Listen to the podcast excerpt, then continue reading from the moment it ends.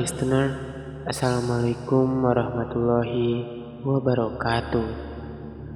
Saya Panji Purnama di sini yang akan membagikan kembali cerita kelanjutan dari part sebelumnya, Pesugihan Jenglot part 3. Jadi untuk kalian yang belum mendengarkan dari part 1, 2, dan 3 karena ini cerita bersambung, kalian bisa kembali dulu ke part 1.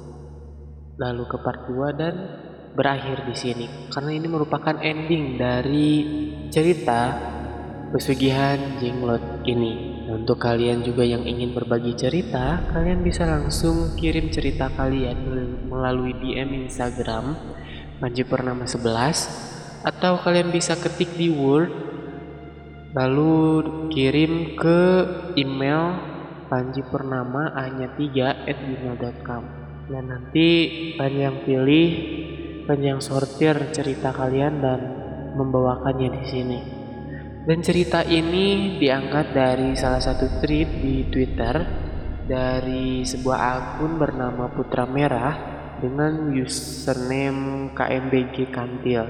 Jadi yaudah nggak usah lama-lama lagi kita langsung aja masuk ke ceritanya.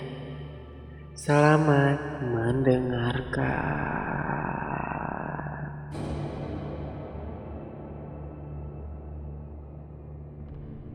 Penebusan Sebulan kemudian, Darmo sudah pindah rumah. Rumah yang ia tempati kini lebih besar dari sebelumnya. Meski ia dan keluarganya masih mengontrak, sementara rumahnya yang dulu ia kontrakan. Kehadiran anak kedua Darmo Ahmad membuat kebahagiaan Darmo semakin lengkap. Terlebih, rupiah demi rupiah terus menghampiri kehidupan Darmo. Pesugihan yang ia jalani nampak tak memiliki efek buruk bagi kehidupannya. Sehingga pada akhirnya Usaha yang dirintis Darmo pun kian berkembang. Usaha satenya semakin bertambah besar. Ia pun membuka cabang di beberapa kota di Pulau Jawa. Ia juga merintis bisnisnya ke bidang lain. Hanya dalam kurun waktu tiga tahun, semua bisnis Darmo sukses. Selamat pun ditunjuk Darmo sebagai orang kepercayaan untuk ikut mengelola bisnisnya. Kehidupan Darmo pun semakin melangit. Ia tak lagi mengontrak rumah. Dibelilah rumah yang sangat mewah lengkap dengan segala perabotannya yang memiliki harga cukup fantastis. Termasuk beberapa unit mobil mewah. Dengan kehidupan bak pangeran Arab, Darmo seakan terbuai dengan kehidupan parlentenya. Ia bahkan melupakan akan perjanjian waktu itu. Ia tak lagi berkunjung ke Cilacap untuk menemui Mbah Purwo dan membantu warga di sekitar gunung, tempat yang menjalani ritual pesugihannya. Padahal beberapa kali Selamat sering mengingatkan, namun Darmo nampak acuh. Hal ini dipicu karena Darmo meyakini jika pesugihan itu tak akan memberikan efek buruk bagi keluarganya. Hingga pada suatu saat, Darmo jatuh sakit. Beberapa kali ia masuk rumah sakit, namun penyakitnya ini tak kunjung sembuh. Selamat yang khawatir berinisiatif menemui Mbah Purwo untuk menanyakan perihal sakit yang diderita Darmo. Tiba di rumah Mbah Purwo, awalnya kunjungan Selamat ditolak. Hal ini lantaran Mbah Purwo terlanjur sakit hati dengan keduanya. Namun Selamat tak menyerah. Dia terus memohon-mohon agar Mbah Purwo menerima kunjungannya dan menceritakan apa yang sedang dialami Darmo. Wah, saya mohon, tolonglah Darmo. Saya tahu jika sakitnya ini karena kemungkinan Darmo melanggar perjanjian, kata Selamat. Sudah tidak ada waktu lagi untuk memperbaikinya. Percuma, jawab Mbak Purwo. Darmo harus bagaimana mbak? Kasihan teman saya, tubuhnya, tubuhnya kurus dan kesulitan berjalan sambung Slamet. Begini saja, sarankan temanmu untuk jujur kepada keluarganya. Jika tidak, maka peliharaan dia yang akan mengambil anggota keluarganya satu persatu. Jawab Mbah Purwo. Jadi akan ada tumpal, bah, kata Selamat kebingungan. Ya begitulah perjanjian dia dengan peliharaannya untuk menyempurnakan tubuhnya tidak dia tepati. Maka itu adalah konsekuensinya, kata Mbak Purwo. Selamat yang mendapatkan informasi itu akhirnya kembali menemui Darmo. Di kamarnya ia menceritakan agar Darmo segera memberitahu ihwal pesugihan yang ia jalani kepada seluruh anggota keluarga. Namun Darmo menolaknya. Gak mungkin, Mat. Apa kata Asih nanti? Tapi ini demi keluarga kamu, Mo. Kalau tidak, makhluk itu akan mengambil nyawa anak dan istrimu satu persatu. Aku nggak percaya, Mo. Karena perjanjiannya tidak seperti itu. Anak dan istriku tidak aku tumbalkan. Darmo pun akhirnya jujur kepada Slamet. Ia mengatakan sejak enam bulan ini, makhluk itu tak lagi mendapat jatah darah dari satu kliwon. Hal ini lantaran ia tak bisa lagi mendapatkan darah di PMI.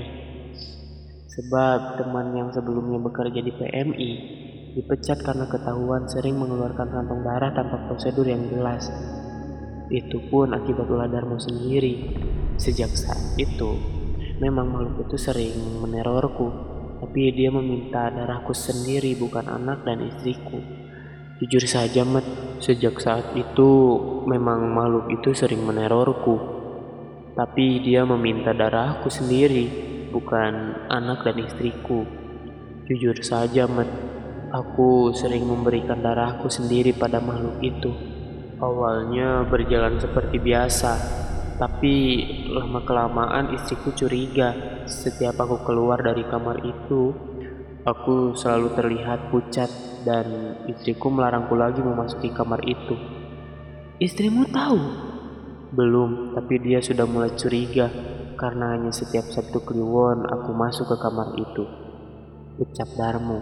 Darmo pun meminta selamat agar mencari akal agar Selamat bisa mencari stok darah di PMI lain, sehingga Darmo bisa terlepas dari teror makhluk itu. Namun ternyata, Selamat terus-menerus menemukan jalan buntu. Bulan demi bulan, tubuh Darmo semakin mengurus. Ingin rasanya Selamat membuka tabir kegelapan Darmo kepada Asi. Menyelamatkan keluarga Darmo atas perbuatan temannya itu sendiri. Namun, Selamat tak sampai hati. Khawatir Asi akan kecewa dan meninggalkan Darmo dengan kondisi yang masih sakit seperti itu. Saat itu Darmo kembali dibawa ke rumah sakit karena kondisi kesehatannya semakin memburuk. Kebetulan anggota keluarga Darmo saat itu sudah lengkap. Dewi saat itu sedang berada di rumah sakit. Sejak ayahnya sakit, Dewi memang jarang pulang karena kesibukan kuliah kedokterannya di Fakultas Kedokteran di salah satu universitas di Yogyakarta.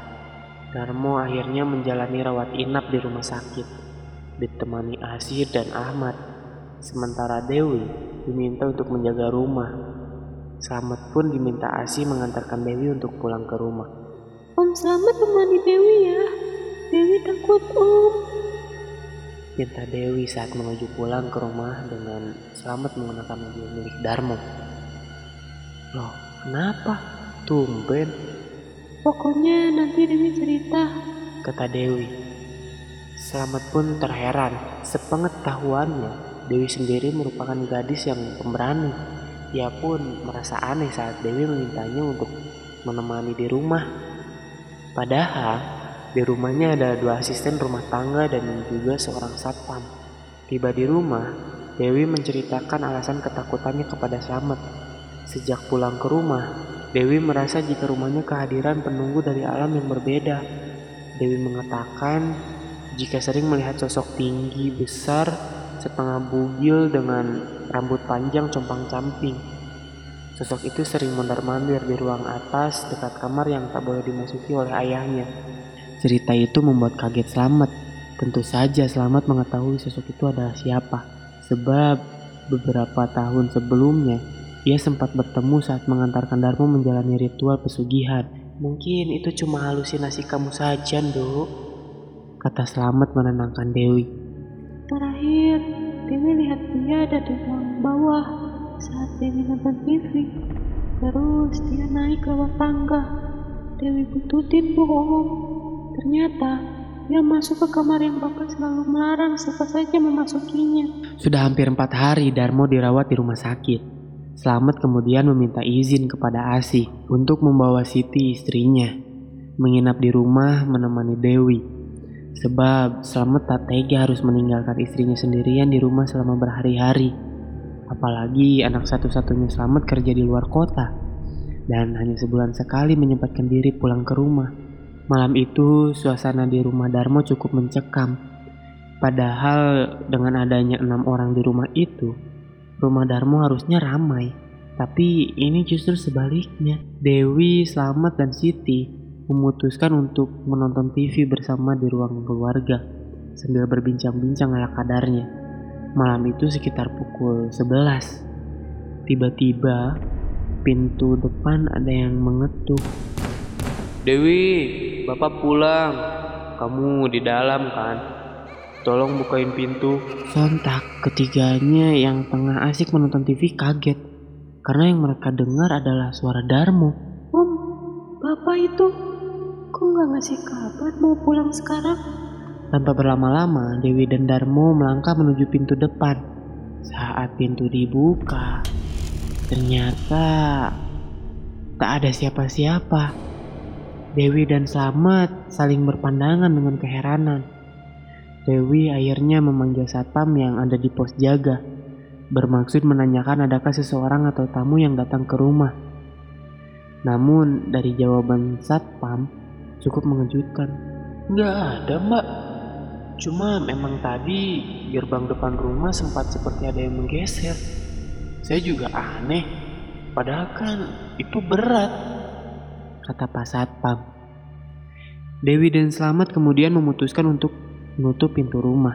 Kembalilah mereka menuju ruang keluarga menghampiri Siti. Mana Kang Darmo, Pak? Slamet tak membalasnya.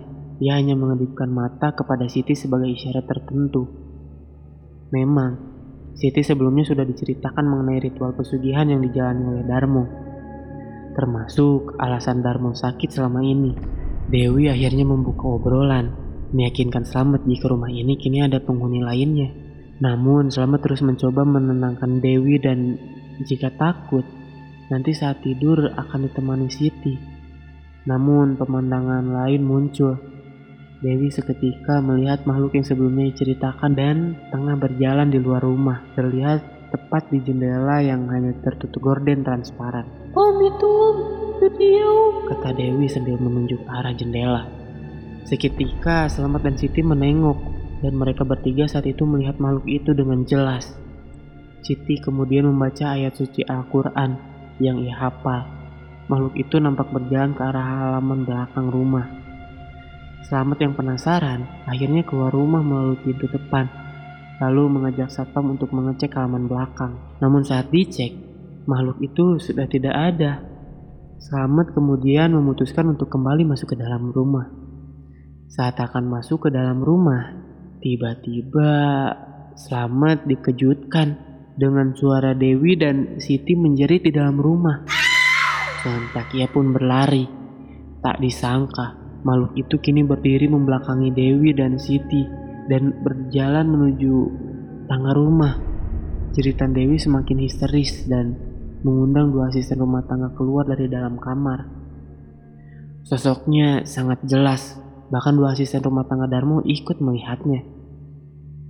Selamat kemudian memanggil lagi satpam. Ia kemudian mengecek ruangan demi ruangan di lantai atas. Tapi makhluk itu lagi-lagi sudah menghilang. Selamat dan satpam akhirnya turun ke lantai bawah. Di ruang keluarga, Dewi masih menangis karena ketakutannya dan sedang ditenangkan oleh Siti dan kedua asisten rumah tangganya. Ketiku, Suara itu tiba-tiba memekik di dalam rumah dan terdengar oleh seluruh penghuni rumah. Akhirnya, mereka berhamburan keluar rumah. Selamat kemudian meminta agar satpam mengunci pintu rumah dan gerbang rumah. Mereka diminta untuk sementara menginap di rumah Selamat agar terhindar dari gangguan itu. Tiba di rumah Selamat, mereka semua akhirnya memutuskan untuk tidak tidur dan menjaga Dewi yang masih terlihat syok atas penampakan makhluk mengerikan tadi. Dini hari itu juga, Selamat memutuskan untuk pergi ke rumah sakit menemui Darmo. diantar oleh satpam. Ia mencari cara agar tetap bisa masuk menemui Darmo meski jam besuk sudah ditutup. Akhirnya Selamat menelpon Asih untuk bergantian menjaga Darmo. Asih pun menyetujui. Selamat pun akhirnya bisa menemui Darmo. Sementara Asih dan Ahmad diantar satpam untuk pulang ke rumah Selamat. Selamat kemudian membangunkan Darmo yang tengah terlelap tidur. Ia menceritakan kejadian yang belum lama dialaminya kepada Darmo. Ternyata esok hari adalah hari Sabtu Kliwon, di mana makhluk itu harus meminum darah sebagai isyarat wajib yang sudah disetujui Darmo kala itu. Darmo pun berniat untuk pulang pada siang hari, namun Selamat tak mengizinkan karena kondisinya belum pulih. Tapi Darmo mengkhawatirkan keluarganya. Ia takut jika makhluk itu nekat mengambil darah anak atau istrinya. Selamat pun bilang jika anak dan istri Darmo sudah difungsikan terlebih dahulu ke rumahnya. Dengan begitu, Selamat meminta agar Darmo tak perlu mengkhawatirkannya.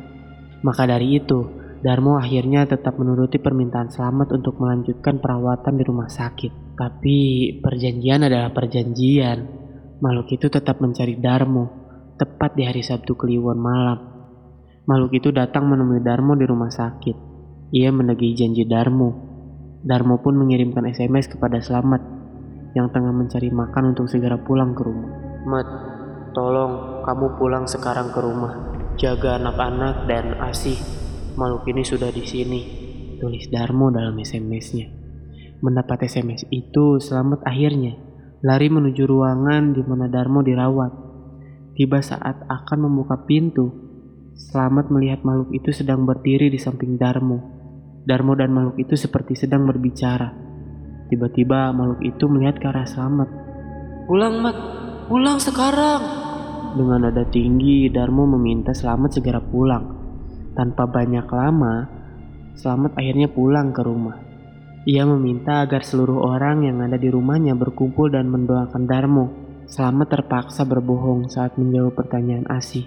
Ia bilang jika Darmo saat ini sedang tidur dan tidak terjadi apa-apa. Hanya saja ia meminta agar semuanya mendoakan Darmo agar lekas diberikan kesembuhan. Asih pun nampak menerima alasan selamat meski masih sedikit ragu dan mencurigai jika suaminya sedang tidak baik-baik saja. Setelah bersama-sama mendoakan Darmo, mereka semua lantas tertidur. Hanya Asih dan Selamat yang masih terjaga. Sekitar pukul 5 subuh, suara ponsel Asih berdering. Asih terkejut saat diberi kabar jika Darmo menghilang dari rumah sakit.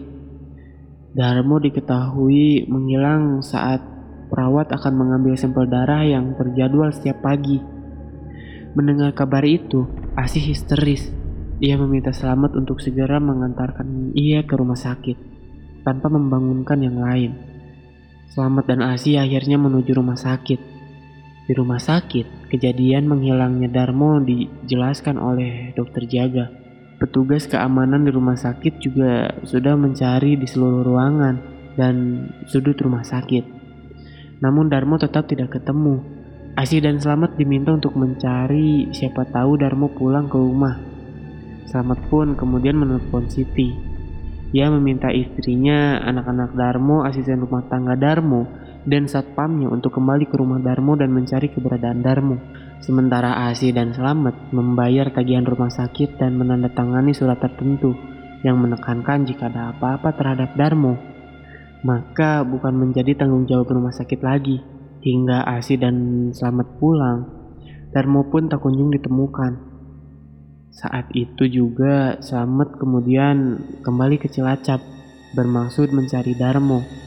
Ia khawatir Darmo dibawa ke lokasi asal muasal makhluk itu yakni di gunung itu, tanpa sowan dulu ke rumah Mbah Purwo. Selamat kemudian mencari Darmo di gunung itu. Namun ternyata hasilnya nihil. Ia lantas terduduk di salah satu batu di gunung itu. Tapi ia mendengar suara, tapi ia mendengar suara yang mirip temannya itu. Memanggil-manggil namanya dengan lirih seperti tertiup angin. Mat, tolong aku, Selamat yang mendengar itu kemudian berteriak-teriak memanggil nama Darmo. Tetap saja Darmo tidak muncul juga. Betul dengan selamat suara Darmo meminta tolong terus menerus terdengar hingga pada akhirnya ia baru teringat jika saat mengantarkan Darmo melakukan ritual pertapaan beberapa tahun lalu. Hingga pada akhirnya, ia baru teringat jika saat mengantarkan Darmo melakukan ritual pertapaan beberapa tahun lalu. Ada banyak makhluk tak kasat mata yang memberikan isyarat jika Darmo akan menjadi salah satu penghuni di gunung itu. Koncomu Raisumuli. Koncomu Raisumuli. Temanmu tidak bisa pulang. Itu yang terngiang-ngiang dalam benak Selamat. Karena dirasa ada yang tak beres, Selamat akhirnya turun dari gunung itu dan kemudian menemui Mbah Purwo. Di rumah Mbah Purwo, Selamat menceritakan apa yang telah terjadi. Namun, Mbah Purwo mengatakan jika semua sudah terlambat. Selamat pun kemudian pulang dan masih optimis jika Darmo masih hidup. Ia berkeliling kota Cilacap seharian penuh untuk mencari keberadaan Darmo mulai dari tempat-tempat yang pernah ia dan Darmo kunjungi waktu itu. Namun, usahanya sia-sia. Darmo masih saja belum ditemukan. Selamat yang sudah merasa putus asa, kemudian pulang ke rumah Darmo. Ia tiba sekitar pukul 11 malam. Tadi sangka bendera kuning sudah terpasang di depan pagar rumah Darmo. Sejumlah tetangga sudah berkerumun di rumah sahabatnya itu. Turunlah selamat dari mobilnya dan lari masuk ke dalam ke rumah Darmo. Dilihatlah jasad teman karibnya itu terbujur kaku. Di ruangan tengah dan diselimuti kain, Asih menangis di samping jasad Darmo sambil menggendong memeluk erat Ahmad. Sementara Dewi terlihat dia mematung. Wajahnya pias dengan mata sembah memandangi jasad bapaknya.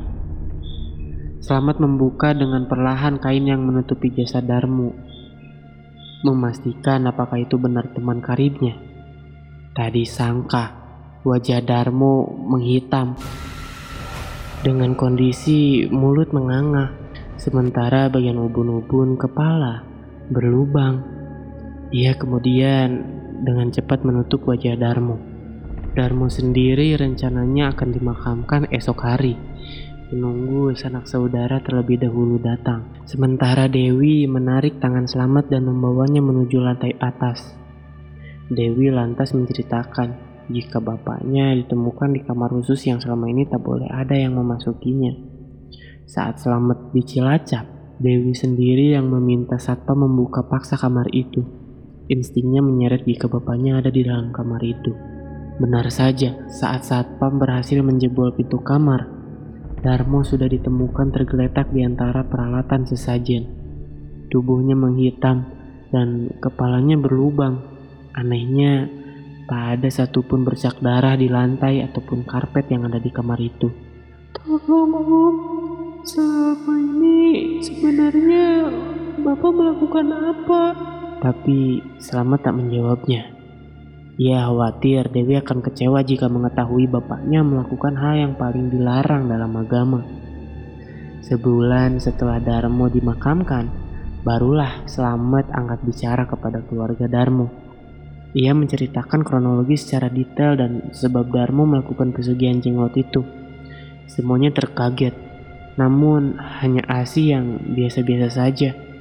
Ternyata Asi sudah mengetahui jika mendiang suaminya melakukan hal menyimpang karena dalam pengakuannya beberapa kali Asih memergoki Darmo melakukan ritual di kamar itu. Tapi Asih tidak berbuat banyak dan apa yang dikhawatirkan Asih semuanya telah terjadi. Sejak kepergian Darmo, semua kembali seperti awal. Bisnis yang sebelumnya dirintis Darmo terus-menerus mengalami penyusutan. Kerugian sudah tak terhindarkan lagi. Semua aset, harta, benda dijual untuk menutupi hutang perusahaan. Anak dan istri Darmo kini menderita lagi. Dewi sendiri tak bisa meneruskan cita-citanya sebagai dokter. Ia kini sudah menjadi seorang ibu yang mengandalkan berjualan minuman untuk menafkahi keluarganya, karena ia harus menanggung hidup ibu, adik, dan anaknya. Sementara suami Dewi sudah meninggal setahun lalu. Sementara Selamat pun demikian. Sejak usaha Darmo bangkrut, ia harus menyambung hidupnya dengan cara berdagang di pasar. Namun, Selamat masih sering menjenguk anak istri Darmo karena mungkin Selamat merasa bersalah pernah menyarankan Darmo mengambil jalan pintas. Sekian cerita dari Putra Merah dengan username KMBG Kantil. Terima kasih buat yang udah mendengarkan podcast ini dari awal sampai akhir. Dan Panji ingatkan kembali untuk kalian yang ingin berbagi cerita seputar pengalaman supranatural atau kejadian-kejadian mistis, kalian bisa langsung kirim cerita kalian melalui DM Instagram Panji Panji Purnama 11 atau bisa juga kalian ketik di Microsoft Word dan kalian kirim ke email Panji Purnama hanya 3 at gmail.com nanti Panji sertakan uh, alamat email dan username Instagramnya di deskripsi beserta sumber ceritanya. Baik sekian ceritanya. Saya Panji Purnama undur pamit dari ruang dengar Anda semua. Wassalamualaikum warahmatullahi wabarakatuh.